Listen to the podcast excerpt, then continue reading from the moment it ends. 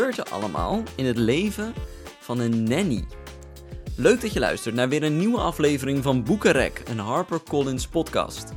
Ik ben Sjors en in deze aflevering bezoeken we het zonnige Italië in de nieuwe feelgood roman van eigen bodem, Een verrukkelijk fiasco van Lotte Petersen.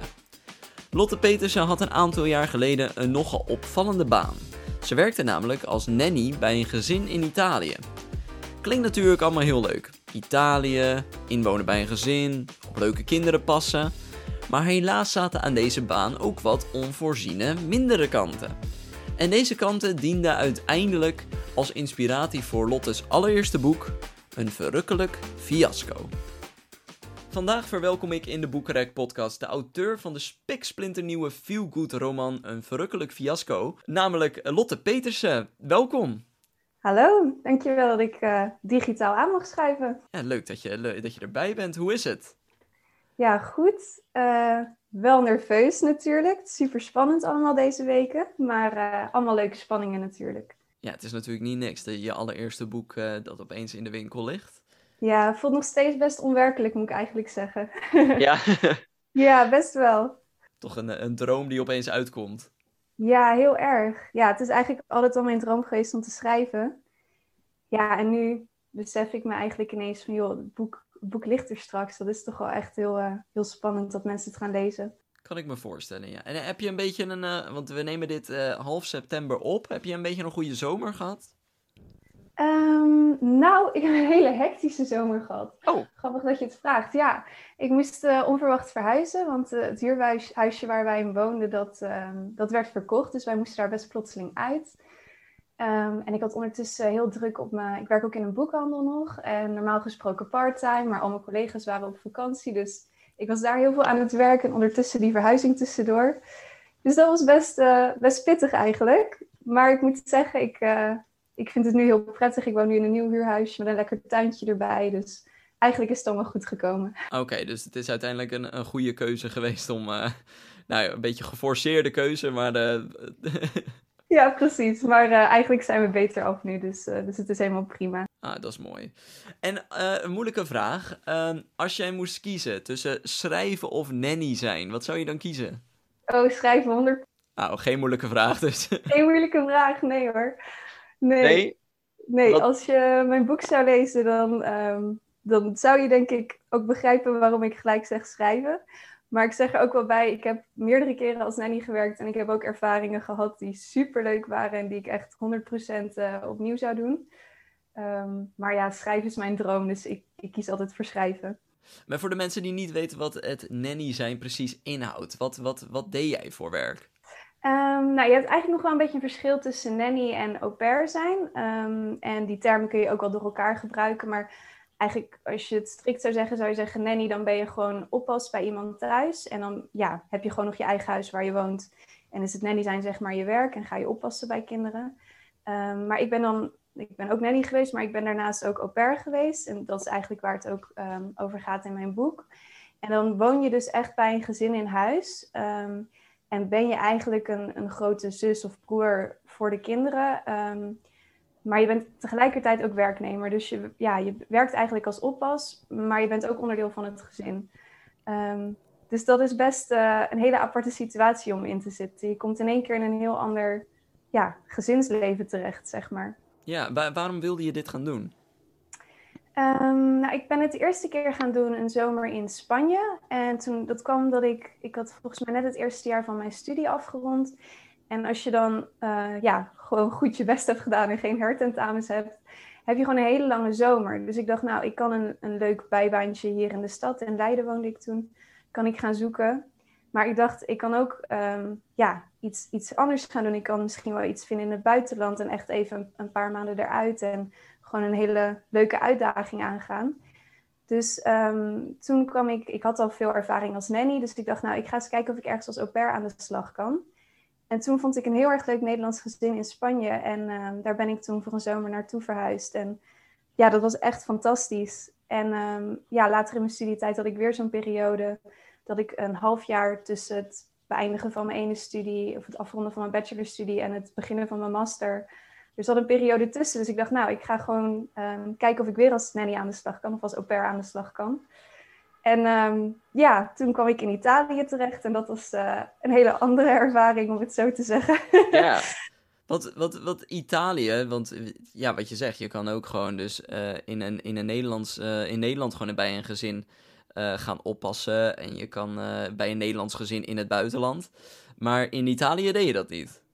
Nee, in Italië kwam ik echt bij een echt Italiaans gezin terecht. Um, en ik had wel een beetje twijfels daarover. Ik dacht, het kan natuurlijk best lastig worden met de taal. Maar um, ja, ik, ik spreek redelijk goed Engels. En ik dacht, nou, misschien is het ook wel goed voor mijn ontwikkeling van het Engels. Dat ik um, ja, dan gedwongen ben om, om, Engels te spreken met andere mensen die ik daar ontmoet. Of misschien zelfs een beetje Italiaans uh, te leren. Dus dat leek me eigenlijk heel leuk. Um, alleen, ja, toen ik daar kwam, bleek dus dat de ouders van de kinderen de, de Engelse kennis van hun kinderen nogal overdreven hadden. Um, dus, en ik sprak geen woord Italiaans en die kinderen spraken eigenlijk geen woord Engels, of nauwelijks een woord Engels. Dus dat was wel heel pittig, ja. Ja, ja dat kan me voorstellen. En, en dit was dan ook dus, je was dus officieel au pair, dus je sliep ook bij die mensen in huis? Ja, ik had een eigen kamertje daar in huis en uh, ja, ik woonde daar gewoon echt in, zeg maar, ja. Maar hoe is dat dan? Want uh, kijk, ik heb dat nog nooit gedaan. Dan kom je, kom je bij zo'n gezin wat je niet kent, nou die ook letterlijk een andere taal spreken. Jij probeert je een beetje te redden met je Engels. Uh, en dan opeens ben je onderdeel van het huishouden. Ja. Hoe is dat? Heel gek. En het is ook wel grappig, denk ik, nu ik erop terugkijk, dat ik best wel um, het van beide kanten heb meegemaakt. Want in Spanje weet ik nog, ik kwam aanrijden daar zo. Uh, ik was opgehaald door de, de vader van het gezin bij het vliegveld. En um, wij reden zo het terrein op, zeg maar, van waar een, uh, ja, was een rij huisjes, zeg maar. Dus we reden zo die straat in. En uh, zijn dochtertje, dus het meisje waar ik op ging passen, die stond echt um, ja, gewoon juichend voor de deur. Die was zo blij dat ik aankwam. Dus dat was meteen een, echt een ontzettend warm welkom. Ik heb me daar ook echt meteen thuis gevoeld. Het was gewoon heel fijn.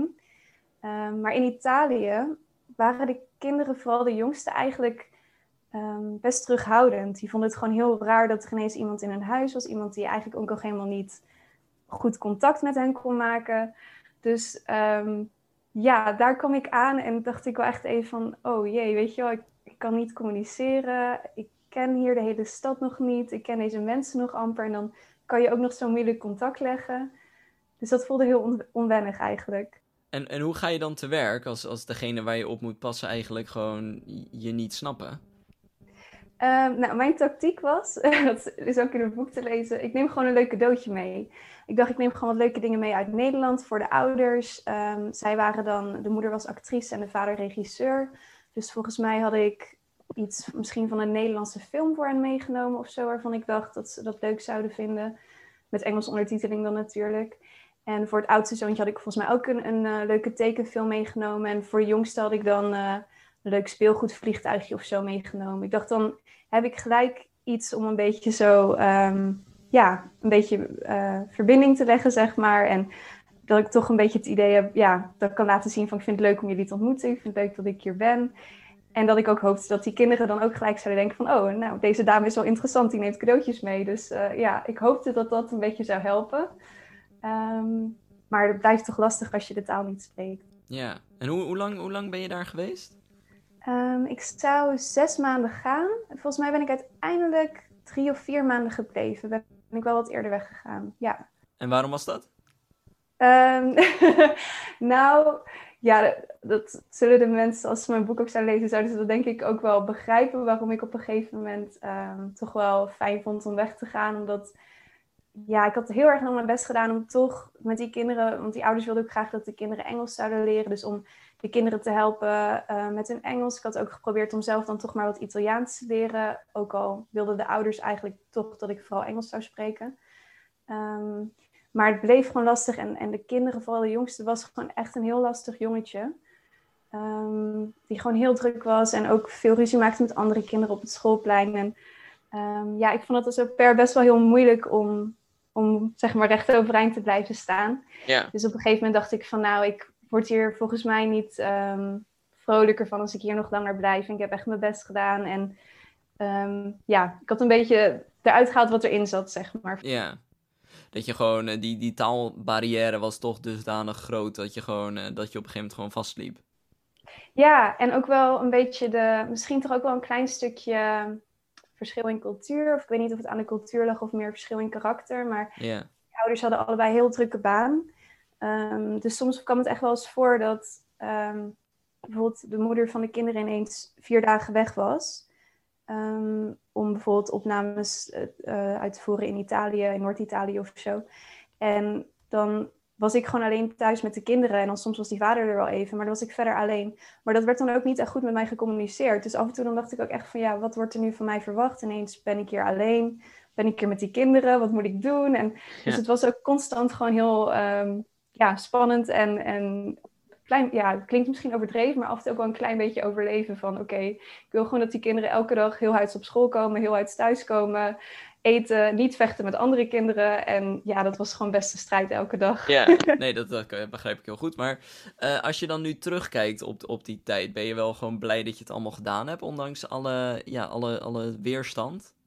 Ja, 100% Want ehm, ik heb ook gewoon echt hele leuke momenten gehad. En ehm, ja, daar heb ik ook gewoon zeker geen spijt van. En ehm, daarnaast denk ik dat het ook wel best een ervaring is geweest die me een beetje heeft gevormd. Dat klinkt misschien heel dramatisch, maar zo bedoel ik het niet per se. Maar soms als ik gewoon op een ander punt in mijn leven dacht van... oh, ik vind het nou echt even moeilijk of ik weet niet wat ik moet doen... dan dacht ik wel eens terug aan van... oké, ik heb ook een keer s'avonds laat door de stromende regen... een losgeslagen kleuter ehm, in de Rome achtervolgd... eh, op een plek waar ik helemaal de weg niet wist. En, ehm, en dat is ook allemaal goed gekomen. En ehm, ja, ik heb daar toch later ook wel veel aan gehad... En ja, ook gewoon hele mooie herinneringen gemaakt. Toch gemaakt tot de persoon die je nu bent. En uiteindelijk dus inspiratie opgedaan om uiteindelijk te gaan schrijven. Ja, ja, Ja. ook dat nog. Want- want even terug, want jij hebt eh, literatuurwetenschap gestudeerd. ehm, en je hebt een beetje als journalist gewerkt. Klopt. Ehm, dus dat schrijven, dat zat er altijd wel in. Ja, om, om heel eerlijk te zijn, ben ik ehm ja, ik was dan film- en literatuurwetenschappen gaan studeren en later nog een, een master letterkunde. En om heel eerlijk te zijn, heb ik dat eigenlijk allemaal gedaan omdat ik dacht, ik wil gewoon iets met schrijven doen later. Maar er, is natuurlijk, ja, er zijn wel wat schrijfopleidingen, maar dat is heel moeilijk om in te komen. En dat, ja, dat was toch ook niet helemaal mijn ding, zeg maar. Dus ik dacht, ik ga gewoon literatuur studeren. Ik hou van lezen. En dan weet ik niet precies wat er van gaat komen. Maar dan ben ik in ieder geval in de richting van de boeken en van het schrijven. Dus dat was eigenlijk ook een beetje de reden waarom ik die studie heb gekozen. En wat, wat schreef je dan vooral? Um, nou, toen ik klein was, schreef ik echt al uh, van die kleine boekjes. Dan ging ik zo de voorkant van de schrift zo helemaal afscheuren. En dan op een witte pagina zo'n kaf tekenen en zo, weet je wel. Dat het dan zo officieel leek. Um, en dan uh, ging ik daarin gewoon verhaaltjes schrijven over... Ja, ook vaak over een beetje van die magische dingen. Pratende dieren en heksen en zo. Heel wat anders dan wat ik nu schrijf. en um, toen ik wat ouder werd, ben ik gewoon ja, veel korte verhalen gaan schrijven ook best wel vaak dat ik toch een beetje een halfslachtige poging deed om een boek te schrijven. Maar um, ja, vaak strandde dat dan gewoon na een tijdje. En ik heb wel echt allerlei verschillende soorten dingen geprobeerd te schrijven. Dus ik heb ook wel eens een periode dat ik een beetje aan een thriller ging werken. Of aan een young adult of aan een kinderboek. Um, eigenlijk echt van alles, ja.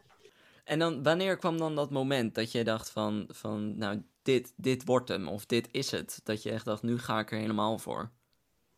Um, ja, dat is best een omslagpunt geweest eigenlijk. Want ja, als je graag iets met schrijven wilt doen, ik denk dat veel mensen die graag schrijven dat ook wel herkennen. Oh, sorry, mijn oortje viel even uit. Hoor je mij nog goed? Ja, zeker. Ja, moet de zin even opnieuw beginnen? Of? Oh ja, dat is goed. Ja? Um, ja, dat is eigenlijk dus best wel een omslagpunt geweest. Ik denk dat veel mensen die dat uh, zelf ook schrijven, dat ook wel een beetje herkennen. Dat als je schrijft, dan is het schrijven zelf natuurlijk super leuk. Maar dan de droom van een boek uitgeven voelt best heel erg onbereikbaar. Omdat, um, ja, um, ook zeker in mijn studietijd, toen ik in het boekenvak zeg maar uh, stage liep en, en daarover leerde op, op de universiteit, dan hoor je echt hoe moeilijk het is om een boek uit te geven. Hoe, hoe weinig manuscripten uiteindelijk uitgegeven worden. Hoe moeilijk het ook is om gewoon een goed boek te kunnen schrijven. Um, dus ja, ik was daar ook wel een beetje van door, ja, daar een beetje door afgeschrokken, zeg maar. Beetje ontmoedigd. ja, ontmoedigd. Ja, dat is het goede woord. Dat ik dacht van oké, ik wil heel graag schrijven, maar ik weet niet of het ooit echt gaat lukken. Dus ik heb dan andere dingen met schrijven gedaan. En ehm, ja, toch met het idee van oké, ik wil wel mijn creativiteit kwijt, maar ik wil ook gewoon een, een serieuze baan hebben, zeg maar. Ehm, en toen op een gegeven moment kwam eigenlijk een beetje het omslagpunt in begin 2020, eind 2019 dat ik me eigenlijk weer voor de zoveelste keer voornam van met oud en nieuw van dit jaar ga ik een boek schrijven, maar dat deed ik eigenlijk elk jaar. en toen dacht ik, nu, nu ga ik het echt doen. En het was ook een periode dat ik, um, ik had dan eerst even als journalist gewerkt, maar ik was toen ehm, daarna net verhuisd naar een nieuwe stad, naar Eindhoven. En ik werkte daar bij het kantoor van een soort copywriting agency, die heel veel deden voor software en, en techniek en dat soort dingen. En ik vond het eigenlijk helemaal niet leuk. En ik had ook, ja, gewoon, ik zat helemaal niet lekker op, op die plek. Ik vond het werk niet leuk. En ik dacht, ja, ik steek nu al mijn energie en, en creativiteit ehm, in het schrijven van deze artikelen. Die, ja, ik eigenlijk zelf niet heel erg leuk vind om te schrijven. En om heel eerlijk te zijn, dacht ik ook van, het voelt ook niet echt alsof iemand dit leest of zo. Van, ik denk niet dat er veel mensen zijn die bijvoorbeeld de gebruiksaanwijzing van een softwareproduct gaan lezen en gaan denken: oh, wat een mooi, leuk, creatief geschreven zinnen. Dat, dat doet niemand. Nee. dus ik dacht, ehm, ja, ik wil nu eigenlijk wel even gewoon lef hebben en echt proberen te gaan voor iets wat ik eigenlijk echt heel graag wil. En toen dacht ik van, ik ga gewoon nu heel serieus aan een boek werken. Ook misschien wordt het niks, maar dan heb ik het in ieder geval serieus geprobeerd. En ja, dat is eigenlijk toen een beetje de keuze geweest. En dat deed je dan gewoon naast je werk? Ja, ja ik heb dat eerst uh, heel lang op mijn vrije dagen gedaan. Gewoon wekker zetten s morgens. En dan had ik vaak nog even de afspraak dat ik even belde met een vriendin. Zodat ik zeker wist dat ik mijn bed uit zou komen. Omdat ik afgesproken had om met haar te bellen. En dan uh, ging ik achter mijn computer zitten. Ik had op een gegeven moment ook uh, het oude rommelkamertje wat we hadden, had ik omgebouwd tot een kantoortje. En ben ik daar gaan zitten. En ja, zo heb ik eigenlijk geschreven. Op een gegeven moment pakte ik de coronaperiode aan. Dus was iedereen sowieso heel veel thuis. Dus ja, had ik heel veel tijd om te schrijven. En ehm, ja, zo is dat eigenlijk gegaan. En toen uh, werd je gewoon op een gegeven moment opgepikt door een uitgever en nu uh, komt je boek eraan. Ja, echt heel onwerkelijk nog steeds. Ja, ja dat kan ik me voorstellen. En, en was dit dan ik denk dat ik het antwoord al weet. Maar was dit een uh, één keer een boek geschreven en nu klaar? Of heb je nu de smaak nee. te pakken? nee, ik hoop echt uh, dat ik gewoon nog heel veel boeken mag gaan schrijven. Ja, ik, ik vind het schrijven echt super leuk. En ik heb ook het idee dat nu ik het één keer heb gedaan. Het is, ja, het is niet zo dat ik nu bij het tweede boek denk van oh, super makkelijk. Maar ik heb nu wel zoiets van oké, het kan. Het is gewoon een, een project waar je aan gaat zitten. En het is niet een een onhaalbaar iets om een roman te schrijven. Het is gewoon uh, ja, iets wat je gaandeweg een beetje leert, wat je, ja, waar je steeds nieuwe dingen ontdekt. Dus dat maakt me eigenlijk alleen nog maar meer um, geprikkeld om, om nog meer te gaan schrijven. Dus er komt in de toekomst nog veel aan van Lotte Petersen. Ik hoop het, ja, ik hoop het echt. nou, tot die tijd uh, wil ik iedereen aansporen om een verrukkelijk fiasco te gaan lezen. Uh, want dat is dan het begin. En, uh, ik, en, ik wil jou voor nu uh, heel hartelijk danken dat jij uh, met mij wilde praten in deze podcast. En heel veel succes dan met je vervolg schrijven. Ja, heel erg bedankt. En dankjewel dat ik hier mocht zijn. Dus wil jij je deze herfst even wanen in het warme Italië?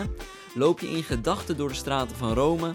En woon je bij een bekende actrice in huis? Dan is het boek Een verrukkelijk fiasco van Lotte Petersen echt wat voor jou. En dit boek is vanaf 6 oktober overal verkrijgbaar. En dat was het weer voor deze aflevering van de Boekenrek podcast. Je merkt nu toch wel echt dat de zomer voorbij is, hè? De dagen worden korter en er wordt ook een stuk kouder buiten. De herfst komt eraan. En dat betekent natuurlijk dat het perfect weertje is om lekker op de bank een boek te lezen of naar je favoriete podcast te luisteren. En de komende weken kun je hier wat gesprekken horen. Zoals met kattendeskundige Anneleen Bru over hoe jij je kat echt gelukkig maakt. Of het tweede deel in de koffietrilogie van feelgood auteur Paula Stern. En ik spreek met een van de bekendste natuuractivisten van de wereld. En dat is namelijk Jane Goodall. Dus blijf vooral lekker luisteren. Tot die tijd wens ik je nog een hele fijne dag. Wees lief voor elkaar en voor jezelf. En blijf vooral lekker lezen. Tot de volgende keer.